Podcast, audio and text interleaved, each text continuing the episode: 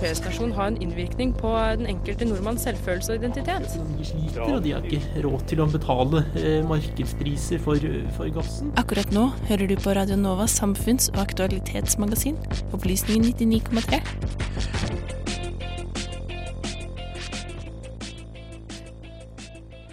Ukens opplysning handler nødvendigvis om nyttårsforsetter, og vi har funnet forskning som viser hvordan du får til å nå disse.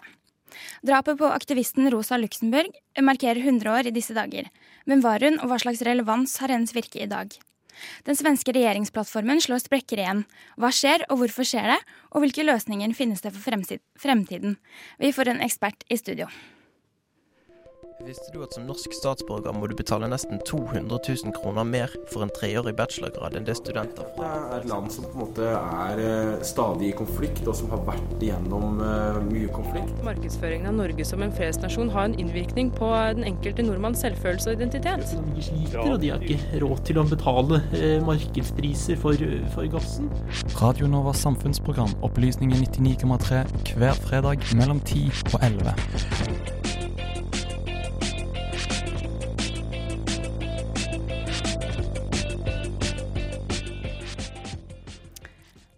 og velkommen. Eh, mitt navn er Maria Lien, og jeg skal lede deg gjennom denne første sendingen eh, på det nye året til Opplysningen. Og vi er så klart eh, fortsatt i Opplysningen av å være Radionovas intellektuelle høy høyborg, og derfor er dagens sending, som de fleste andre, naturlig nok et, har naturlig nok et innhold av aktualitet og seriøsitet. Vi skal høre om hva som rører seg i svensk politikk for tiden, hva som, og hva som kan tolkes eh, til å bli fremtiden. Eh, og vi skal bli opplyst om konseptet nyttårsforsetter. Men først. 15. januar i år markerer 100 år siden Rosa Luxemburg ble drept i 1919 i Berlin. Hun kjempet mot kapitalismen og borgerskapet, og for sosialismen. Um, velkommen i studio til deg, Ellen Engelstad, redaktør i Manifest Tidsskrift. Tusen takk. Du har skrevet en biografi om Rosa Luxemburg. Ja, stemmer. Um, først og fremst, uh, hvem var uh, Rosa Luxemburg? Um, Rosa Luxemburg var en veldig uh, sammensatt og interessant person. Hun ble født i Polen i 1871 og var, måte, hadde mange odds mot seg, siden hun var kvinne i et veldig patriarkalsk samfunn, jøde i et veldig antisemittisk samfunn. Hun ble eh, feilbehandlet for hofteleddsdysplasi da hun var liten, så hun hadde, var også halvt hele livet, så handikappet. Og eh, Eh, men likevel, på tross av alt dette, så ble hun en veldig viktig intellektuell for venstresida og eh, en slags eh, martyr da, til slutt for, for revolusjonen. Hun var veldig tidlig engasjert i, i, i kampen mot urettferdighet. Hun meldte seg inn i en sånn sosialistisk underbegrunnsbevegelse da hun var eh, gikk på videregående eh, i, i, Polen. Og så var det så farlig. Eh, de ble forfulgt, så hun måtte flykte til Warszawa, nei, til, fra Warszawa til Sveits, til Zürich. Og der eh, begynte hun å studere så, og tok doktorgrad som en av de første kvinnene i Europa. og derfra så gikk det bare framover. Så spennende. Um, dette hundreårsjubileet, som det kalles, uh, vil si noe om uh, hvorfor vi markerer det nå i ettertiden? Hva, hva, som skjedde for 100 år siden?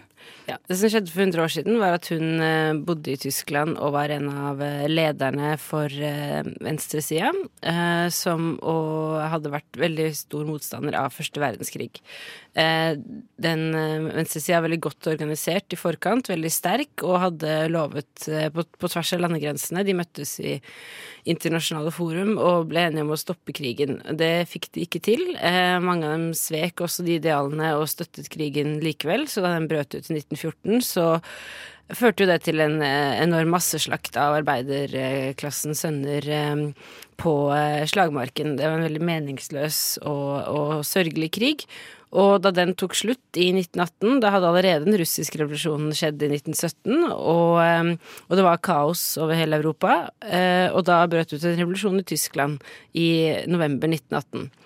Og den, for å ta det veldig kort, gikk fram og tilbake. Det var en veldig kaotisk situasjon. Eh, veldig revolusjonær, rød stemning. Masse folk som ble dratt med inn på liksom, venstresidas kamp og idealer. Men det var også veldig mange som kom hjem fra fronten med våpen. Og, eh, og, så det var veldig mange bevæpnede grupper og veldig lite kontroll. Og mange av de bevæpnede gruppene var også høyre Noen av de var også høyradikale, eller veldig mot veldig antisemittiske og mente at måte, jøder og kommunister hadde eh, stolket fedrelandet i ryggen, og at grunnen til at de tapte krigen ikke var eh, her, hærførernes eh, dårlige strategi, men derimot en sånn indre fiende. Eh, og så alle disse kreftene kjempet mot hverandre.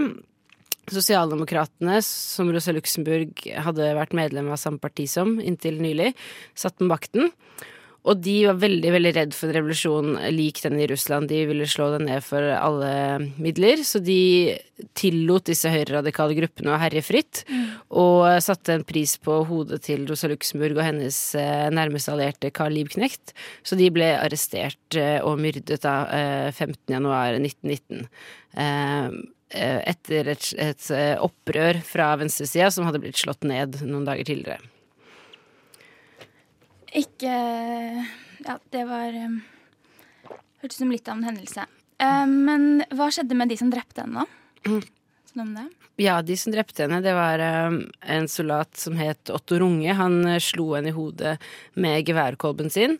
Og, um, og, så ble hun dratt inn i en bil, og i den offisielle historien så skulle hun liksom settes i fengsel, men i bilen på vei dit så ble hun skutt i hodet av en, en løytnant som het Kurt Vogel, og så dumpet de liket i Landværkanalen i Berlin, og det ble funnet igjen først fire måneder senere.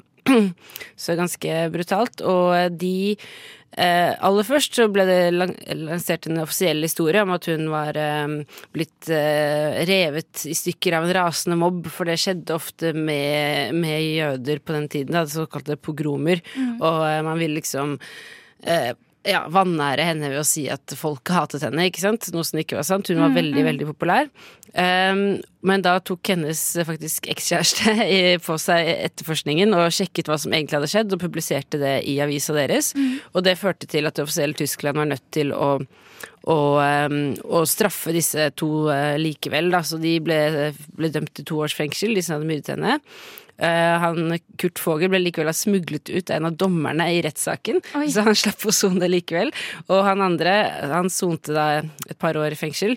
Og da Hitler tok makten noen år senere, så klaget han, og han sa at han egentlig hadde gjort nasjonen en tjeneste ved å drepe henne, og det var Hitler-regimet helt enig i, og da fikk han økonomisk erstatning for den soningen. Såpass, ja. Um, hva er det med hva, syns, hva, hva, er det med hennes historie som gjør at den er viktig, så viktig at du velger å skrive en biografi? da, i At den slags relevans den har i dag? Ja, altså Historien i seg selv er jo veldig spennende, men det er jo først og fremst kanskje tekstene hennes, tankegodset, det hun står for, som gjør at vi har lyst til å skrive om henne i dag. Hun har vært veldig viktig helt siden sin død for venstresida, fordi hun representerer en slags eh, et tredje vei måte, for sosialismen. Altså ikke et sånt eh, toppstyrt sosialdemokrati som man fikk i Vest-Europa etter krigen, og heller ikke et toppstyrt kommunistparti som man fikk i øst og i Sovjetunionen. Hun skrev en kritikk av sin gamle venn Lenin og den russiske revolusjonen veldig tidlig, bare et halvt år etter, halvt år etter eh, hvor hun sa at eh, det er veldig bra dere gjør revolusjon, det er jeg for, men dere går nå i en udemokratisk retning, og det er veldig farlig. Dere må alltid la folk flest være med å bestemme, ha masse demokrati, masse levende debatt, og hvis dere dere forsøker å kvele det, så vil det gå veldig ille. Og det fikk hun rett i, da. Så hun er på en måte veldig viktig for venstresida ved at hun står for denne eh, originale sosialistiske ideen om at, eh, at sosialisme betyr å utvide demokratiet massivt, ikke å innskrenke det. Um, hva er det mm, som um gjør at uh, Liksom, uh, hvem kan man si uh, Er noen av hennes tanker liksom videreført i noe politisk Eller liksom, du snakket om venstresida som, som At det var viktig At hun er viktig for venstresida i dag. Vil du si noe om liksom, hennes ideer i som, Hvordan hennes ideer er videreført i dag? Ja, altså, som sagt, Hun har vært viktig også opp gjennom historien. For, for eh, dissenter i Øst-Europa. ikke sant? Hun var viktig under opprøret Praha våren i 1968 og eh, i 1988, rett før Berlinmurens fall, så var eh, den radikale venstresida der, eller folk som var i opposisjon til regimet, plakater med sitater fra henne, noe de ble arrestert for og sånn. Men i dag så blir det også lest uh, i liksom ja, partier og, og, folk på venstresida som er liksom opptatt av dette her demokratiaspektet. At uh, sosialisme betyr å utvide demokratiet, til ikke bare gjelder politikk, men også den økonomiske sfæren. At vi skal velge egne sjefer, at arbeidere skal ha mer kontroll over, uh, over uh, jobbene sine. og at vi rett og slett skal, skal, være et mer demokratisk samfunn, og, og det insisterer hun på. Og, uh, og, i tillegg så har jo vi en kronikk i Morgenbladet i dag hvor vi, hvor vi, skriver om hva hun ville tenkt om de gule vestene. Mm. For vi mener at hun uh, ville ha uh, vært veldig for det opprøret. Ja. Selv om det ikke er som et uttalt venstresideopprør, så er det på en måte så er det Eh, folk flest da, som kommer sammen og organiserer seg, og, eh, og, som reagerer på en eh, reell urettferdighet i det franske samfunnet, hvor ulikhetene øker massivt, og, og, og veldig mange sliter med å kunne betale regningene og har ja, nok til å leve. Så eh, den type folkelig opprør som mange andre er veldig sånn skeptiske til, for hun ikke helt skjønner hva det mm. er, eller mm. har kontroll på det, det var hun liksom Nei, det må man må slappe av og liksom støtte opp om dette og bli med på det, og kanskje prøve å lede det. Eh, hvis man er et politisk parti eller en fagforening, da, men ikke være så veldig negativ hele tiden når folk flest organiserer seg, da. Mm. Ja. Eh, det høres veldig spennende ut. Eh, og Tusen takk for at du kom eh, til oss i dag. Ellen Engelstad, redaktør i Manifest Tidsskrift. Tusen takk. En F-stasjon har en innvirkning på den enkelte nordmanns selvfølelse og identitet. De sliter, og de har ikke råd til å betale eh, markedspriser for, for, gassen. Akkurat nå hører du på Radio Novas samfunns- og aktualitetsmagasin, Opplysningen 99,3.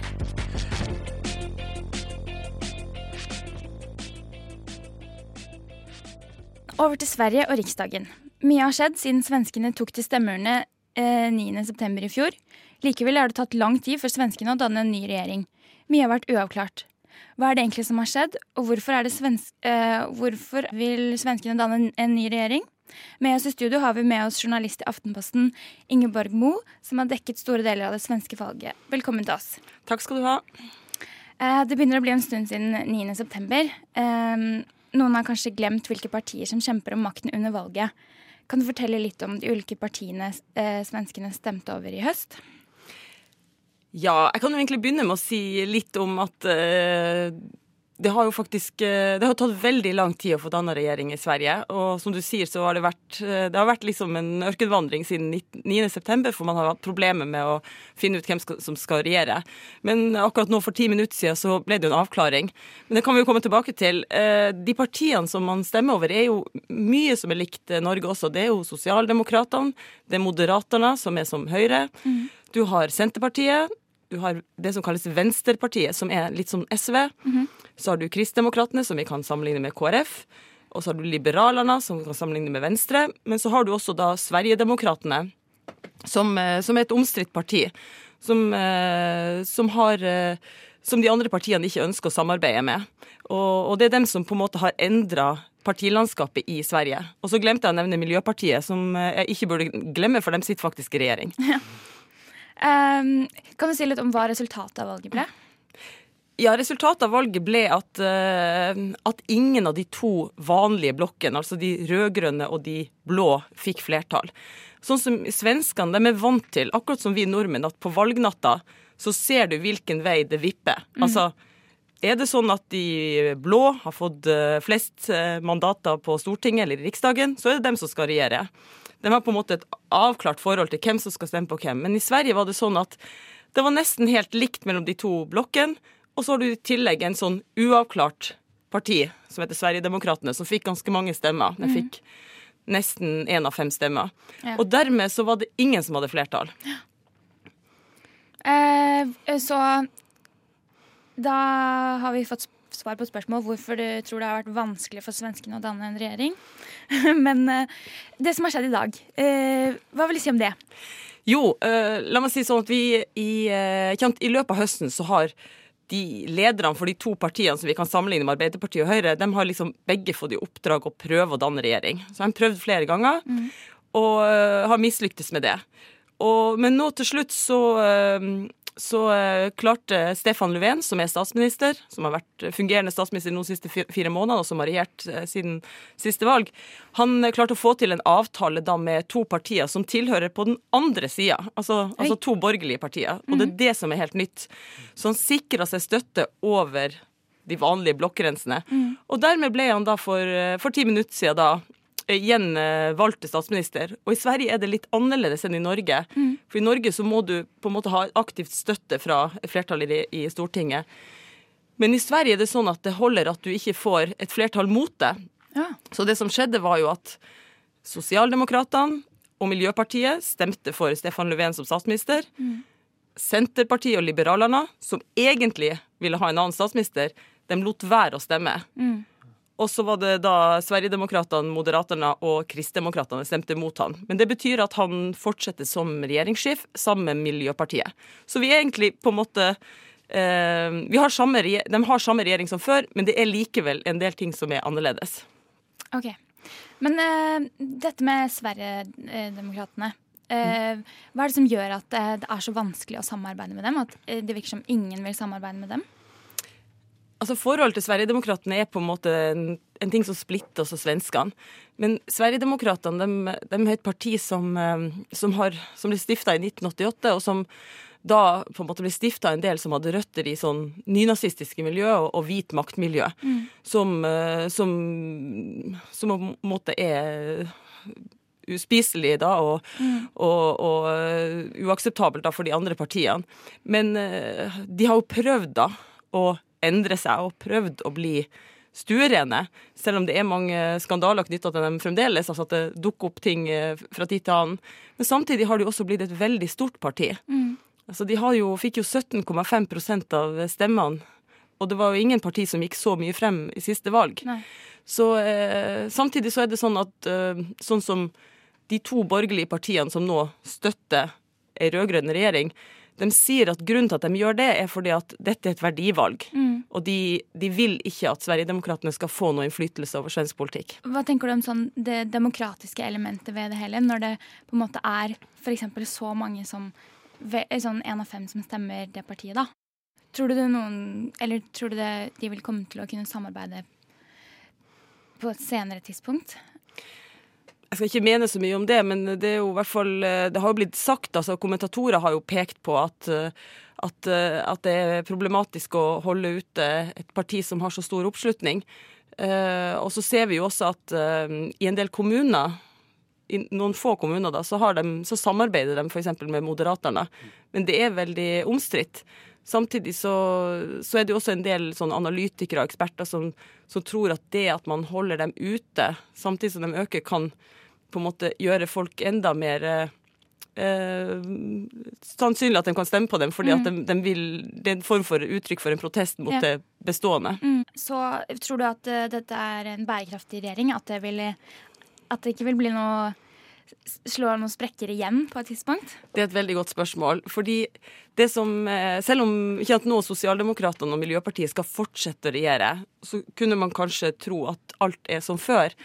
Men det som er nytt, er jo at de har inngått et samarbeid med to borgerlige partier. Mm. Og de har laga en uh, lang liste med ting de vil gjennomføre som, som uh, en del på venstresida, altså tradisjonelle Arbeiderpartivelgere og SV-velgere, hvis vi skal bruke de mm. ordene, mm. syns er altfor uh, blå. Altså ja. type skattesenkning på marginalskatt og Eh, du skal få markedsleie på en del utleieboliger. Du skal, de, mener at, de anklager dem for å drive på uthule arbeidstakerrettigheter. Så de, det de blir anklaga for, da, er at det er en, en rød-grønn regjering som skal føre en mye mer borgerlig politikk enn før. Mm. Så de er utsatt for skyts fra begge sider, da. Samtidig så er det sånn at sånn som eh, Riksdagen, da, så som tilsvarer Stortinget, er sammensatt, så, så er det jo vanskelig å se hvilke alternativer du har. Så hvert fall vår egen kommentator i Aftenposten har også pekt på at eh, det kan jo bli nyvalg altså i denne perioden. Mm. Så, for den, den, sitter jo ikke kjempetrygt. Er det sånn at eh, man potensielt tenker seg at det blir At eh, den verdiforankringen ikke betyr noe lenger? Er det mer sånn å holde eh, folk ute, som, eller å, å holde Sverigedemokraterna ute, som er poenget, heller enn å på en måte føre en hva skal jeg si, politikk som som eh, man kan bli enig om? Ja, altså du er inne på det der. Altså, for Jeg hørte akkurat nå på eh, det som skjedde i Riksdagen. For da var det jo sånn at alle partilederne gikk opp på talerstolen, og så kom de med enten kritikk eller, eh, eller skryt til eh, det som nå skulle skje. Og så var det jo en avstemning da. Og da da var det jo også sånn at noen, sånn som han Moderaterna-lederen Ulf Kristersson, som leder altså Høyre der, han, han mente jo at det, at det, har gått for langt, da. At, man, at, det eneste man er opptatt av, er det å holde Sverigedemokraterna ute. Fordi at mye av den politikken altså sånn som De borgerlige partiene var jo egentlig enige om hva slags politikk de ville føre. Mm. Men de er ikke enige i hvilket forhold de skal til Sverigedemokraterna. Ja. Og det det handler om, er liksom Kan man danne regjering det, var jo ingen som snakka om å danne regjering med Sverigedemokraterna. Men spørsmålet var kan vi akseptere at Sverigedemokraterna støtter denne regjering, en regjering, en ja, blå regjering. En samarbeidsavtale ja. på en eller annen måte? Ikke samarbeidsavtale heller, tror jeg. Nei. Det er bare det at du faktisk vet at du må lene deg på dem. Okay. Du, du, har dem i bakhånd. Da må jeg si tusen takk til deg for at du kom hit i dag, Ingeborg Mo fra Aftenposten. Takk for at jeg fikk komme.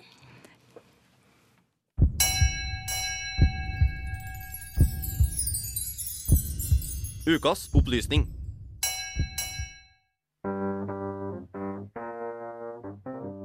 Nytt år, nye muligheter. Kanskje er du en av dem som har satt deg noen nyttårsforsetter i år? Kanskje skal du spise sunnere, trene mer, slutte å røyke eller spare mer penger? Mulighetene er mange. Selv har jeg ofte en tendens til å sette meg ambisiøse mål i starten av januar kanskje følge målene mine i noen uker, for så å gå lei og dessverre gå tilbake til gamle uvaner. Og det er jeg ikke alene om. Forskning fra 2016 gjort av Nottingham Trent University viser at omtrent halvparten av voksne mennesker setter nyttårsforsetter hvert år. Likevel er det kun 10% av oss som klarer å opprettholde målene i flere måneder. Hvorfor er dette så vanskelig? Professor for atferdsmessig avhengighet Mark Griffiths ved samme universitet mener det er flere grunner til det. Han tror bl.a. at flere av oss setter altfor ambisiøse mål, og at mange har urealistiske forventninger til hvor lang tid det vil ta for oss å endre vår egen atferd. Men han tror også at det finnes håp. Så dersom du har noen mål du virkelig vil få til i 2019, så kan du finne frem notatblokken nå. Ifølge professoren er det første man burde tenke på, å sette seg realistiske mål. Dersom man ønsker å trene mer, lytter det ikke å gå fra å ikke trene i det hele tatt til å trene fem ganger i uka.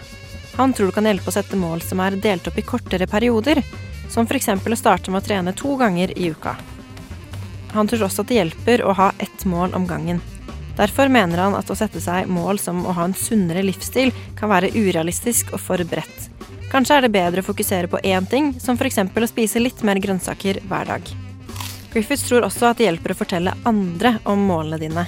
Kanskje kan de til og med hjelpe deg på veien. Da vil det også være mye mer pinlig å ikke få til målene sine. Sist, men ikke minst, tror Griffiths at det er veldig lurt å finne noen andre som har samme mål som deg.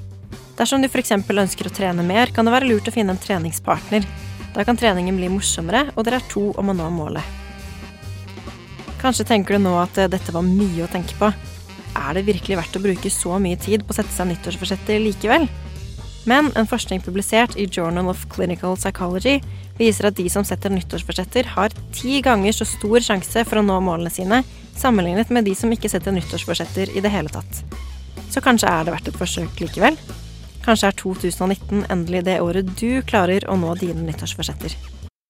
Hvis du trenger et nyttårsforsett som ikke er så lett å bryte, så kan du jo høre på Opplysningen hver eneste fredag, eller på podkast. For å bli litt smartere også dette året.